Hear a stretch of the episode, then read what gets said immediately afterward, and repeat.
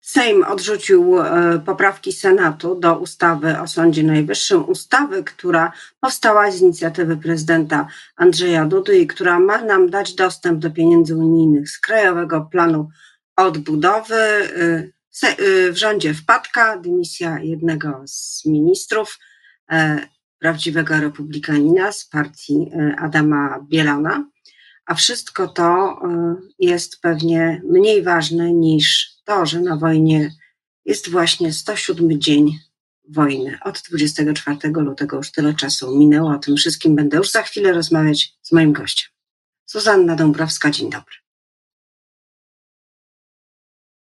A moim gościem jest poseł Michał Wypij. Dzień dobry, panie pośle. Dzień dobry, panie redaktor, dzień dobry państwu. Porozumienie, dodam.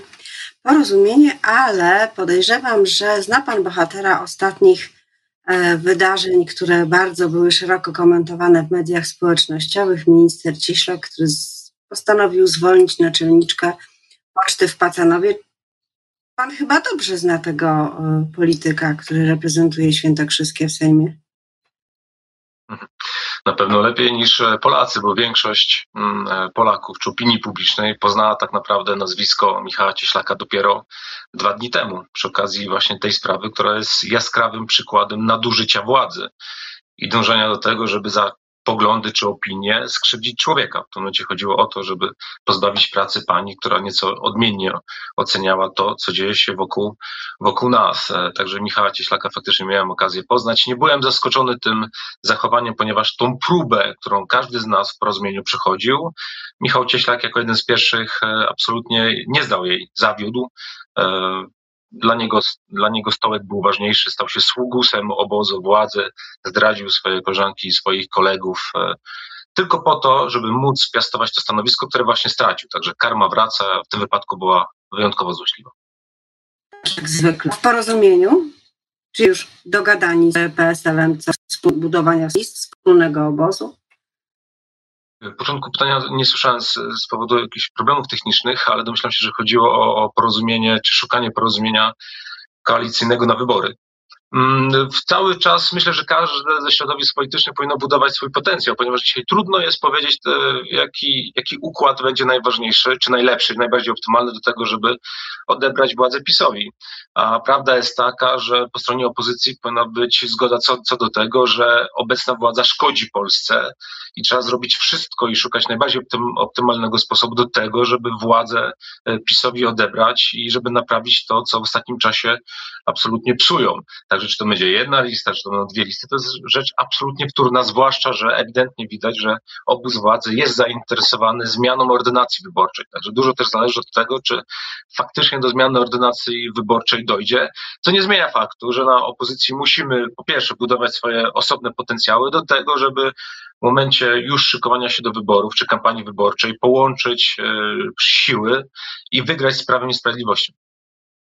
A czy zmiana ordynacji wyborczej będzie połączona e, ze zmianą terminu wyborów samorządowych? Czy to jest e, ta perspektywa, która ma dać PiSowi pewien czas, pewną większą przestrzeń do tego, żeby przygotować się do wszystkich kampanii? Tylko przyznam się szczerze, że dyskusja na temat terminu wyborów samorządowych nieco mnie zaskakuje, ponieważ tak naprawdę od dwóch lat e, w Sejmie w różnych środowiskach rozmawialiśmy o tym i, i była ta świadomość, że prawdopodobnie trzeba będzie termin wyborów samorządowych zmienić z uwagi na to, żeby nie doszło do finansowania krzyżowego, nie doszło do złamania prawa, czy ewentualnie ryzyka złamania prawa, jeżeli chodzi o kwestię prowadzenia kampanii wyborczych. Po prostu najzwyczajniej w świecie kampanie wyborcze nie mogą się nałożyć komitetów e, wyborczych. Także wydaje mi się, że tutaj nic, nic nadzwyczajnego się nie dzieje.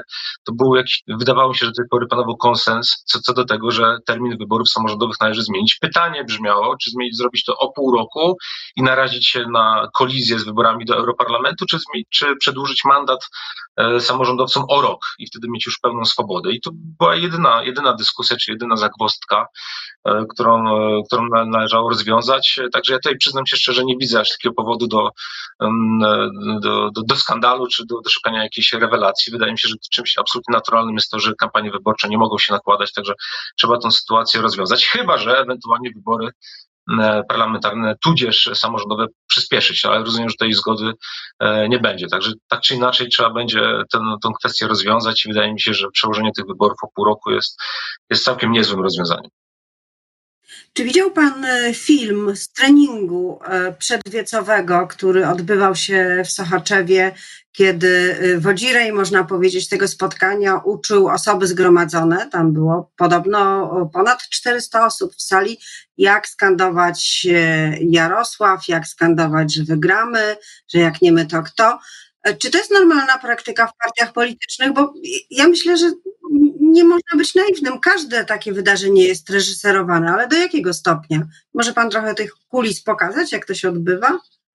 Mm, mogę Państwu powiedzieć o, o, naszych konwencjach, e, które my organizowaliśmy. Nigdy takiej sytuacji nie było, żeby aż tak e, sterować widownią, ale tu rozumiem, że jeżeli chodzi o prawo i sprawiedliwość, to nie mają wpisane w jakiś sposób e, w samych siebie to, że muszą się przed prezesem Jarosławem Kaczyńskim wykazać i ten który wykaże się większym entuzjazmem tłumu, być może będzie mógł liczyć na, na, na jakąś, jakiegoś rodzaju wdzięczność. Dosyć to komicznie wyglądało e, i proszę mi wierzyć, że na naszych konwencjach e, nigdy do, do tego stopnia, żeśmy nie prowadzili um, jakieś tresury um, ludzi, którzy przyszli na to wydarzenie.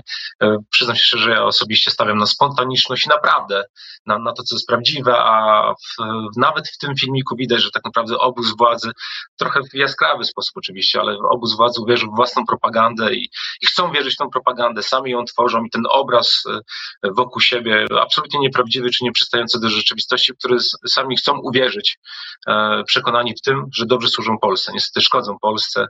A to, o czym pani redaktor powiedziała, to jest taki trochę zabawny, ale jaskrawy przykład tego, że tworzą pewną bańkę wokół siebie. No tak, ale potem e, wystąpił Jarosław Kaczyński, wystąpił prezes PiS i zaczął tych swoich aktywistów, działaczy, rozumiem, że pewnie szczebla powiatowego, także E, no troszkę straszyć tym, że przyjdzie opozycja i tu cytat, żelazną miotłę weźmie i będzie wyprowadzać ludzi i panowie, bo zwracał się głównie do panów, nie wiem czy tam nie ma w strukturach żadnej kobiety, ale to, to mniejsza, i panowie przestaniecie być władzą państwową, tak powiedział do swoich ludzi. Czy to działa?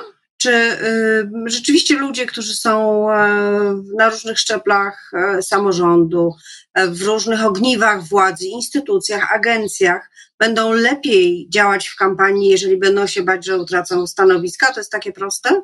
Jak pan ocenia? Przyznam się szczerze, nie słyszałem tego wystąpienia, opieram się e, na słowach pani redaktor. Jeżeli tak było, jak pani redaktor mówi, no to, e, to by wskazywało na to, że dzisiaj obóz władzy tak naprawdę łączy troska o stołki e, swoje i swoich współpracowników. Zresztą widać to było bardzo, w sposób bardzo um, widoczny w sprawie ministra Cieślaka. Przecież tam nie chodziło tylko i wyłącznie o zachowanie e, Michała Cieślaka, który dążył do tego, żeby skrzywdzić panią naczelnik e, z Pacanowa. Tylko widać było, że pozwolił sobie na to zachowanie, był przekonany, że po pierwsze opinia publiczna się o tym nie dowie, po drugie będzie to skuteczne. A elementem ważnym e, tego zachowania był także ten naczelnik, czy w zasadzie ten, ten dyrektor poczty, do którego wiedział minister Cieślak, że może się zwrócić z takim oczekiwaniem zwolnienia osoby. Także i udało nam się w jakiś sposób opinii publicznej nam wszystkim obronić panią naczelnik, tylko i wyłącznie dlatego, że opinia publiczna się o tym dowiedziała. Czyli o ilu ewentualnie takich sytuacjach my do tej pory nie wiedzieliśmy. I to by wskazywało na to, na to, że to, co dzisiaj łączy obóz władzy, to strach przed utratą stołków, ale także tendencja do nadużywania władzy. E, dlatego to być może jest jakiś motywator, dzisiaj jedyny, jeżeli chodzi o obóz władzy, do tego, żeby władzę za wszelką e, cenę utrzymać. A to by z kolei wskazywało na to, że czas najwyższy odsunąć Prawo i Sprawiedliwość od władzy, bo dzisiaj nie kierują się dobrem Polski, tylko i wyłącznie dobrem własnego środowiska, własnego układu politycznego. Pytałam Pana o wybory samorządowe między innymi dlatego, że y, w województwie warmińsko-mazurskim e, takie e, chodzą przepowiednie, czy też plotki polityczne, że będzie Pan startował na prezydenta Olsztyna. Chyba jest co robić w tym mieście, skoro prezydent Olsztyna zarabia dużo więcej niż osoby na czołowych stanowiskach w kraju. To taki tylko jeden przykład. Tak, i powiem szczerze, mieszkańców Olsztyna ta informacja zaskoczyła, że prezydent Olsztyna w zasadzie zarabia najwięcej niemalże ze wszystkich prezydentów w Polsce, więcej niż przykład prezydent Warszawy, e, czy osoby pełniące bardzo odpowiedzialne funkcje. Jednocześnie jest prezydentem skrajnie nieskutecznym. E, Olsztyn jest pięknym miastem, e, zapraszam serdecznie, ale jak Państwo przyjdziecie do naszego miasta, to zobaczycie, że jest niesamowicie zaniedbanym ze strony gospodarza, czyli prezydenta miasta. Także z całą pewnością będziemy robić wszystko. Ci, którzy czujemy, że Olsztyn dzisiaj gra poniżej swoich możliwości, między innymi właśnie przez słabego prezydenta Piotra Grzmowicza, będziemy robić wszystko, żeby prezydenta zmienić. E, czy to będzie kandydatura ta, czy inna, to jeszcze zobaczymy. Z całą pewnością będziemy dążyć do tego, żeby tą złą kadencję, kolejną kadencję Piotra Grzmowicza zakończyć, bo miasto Olsztyn i mieszkańców e, naszego miasta stać zdecydowanie na więcej i zależy nam na tym, żeby żeby Olsztyn grał na miarę swoich wielkich możliwości. Jest to piękne miasto, ale ma bardzo słabego prezydenta. Panie pośle, a kto to są my? Bo mówi pan w liczbie mnogiej, e, nie chce pan się zdeklarować, co rozumiem, jest jeszcze dużo czasu, ale e, ci my to jaka siła polityczna jest? To też jest pytanie w szerszym planie, nie tylko olsztyńskim, nie tylko w kontekście wyborów samorządowych, ale wrócę jeszcze do, na koniec do tego wątku budowania szerszych porozumień, nie tylko porozumienia. Jak pan to widzi?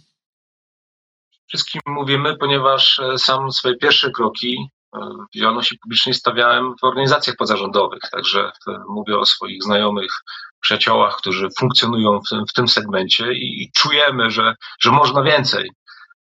Że, że niestety Piotr Grzymowicz jest słabym prezydentem, który przycina te skrzydła wszystkim tym, którzy chcieliby wyciągnąć jeszcze więcej, pracować jeszcze więcej, sprawiać, żeby Olsztyn był wymieniany jednym tchem obok e, tych stolic województw, które rozwijają się w sposób absolutnie najbardziej dynamiczny w naszym kraju.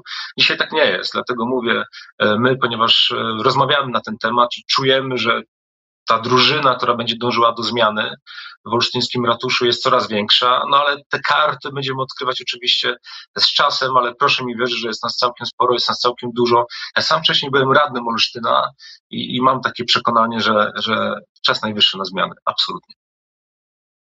A w planie krajowym, jeszcze raz e, wrócę, to już nie tylko do PSL-u, ale są takie karty, jakie są polityczne, czyli jest Polskie Stronnictwo Ludowe, jest Polska 2050, są y, drobniejsze koła poselskie, takie jak y, Polskie Sprawy, jest oczywiście porozumienie, ale jest też lewica, mówiło się jakiś czas temu o semaforowej koalicji.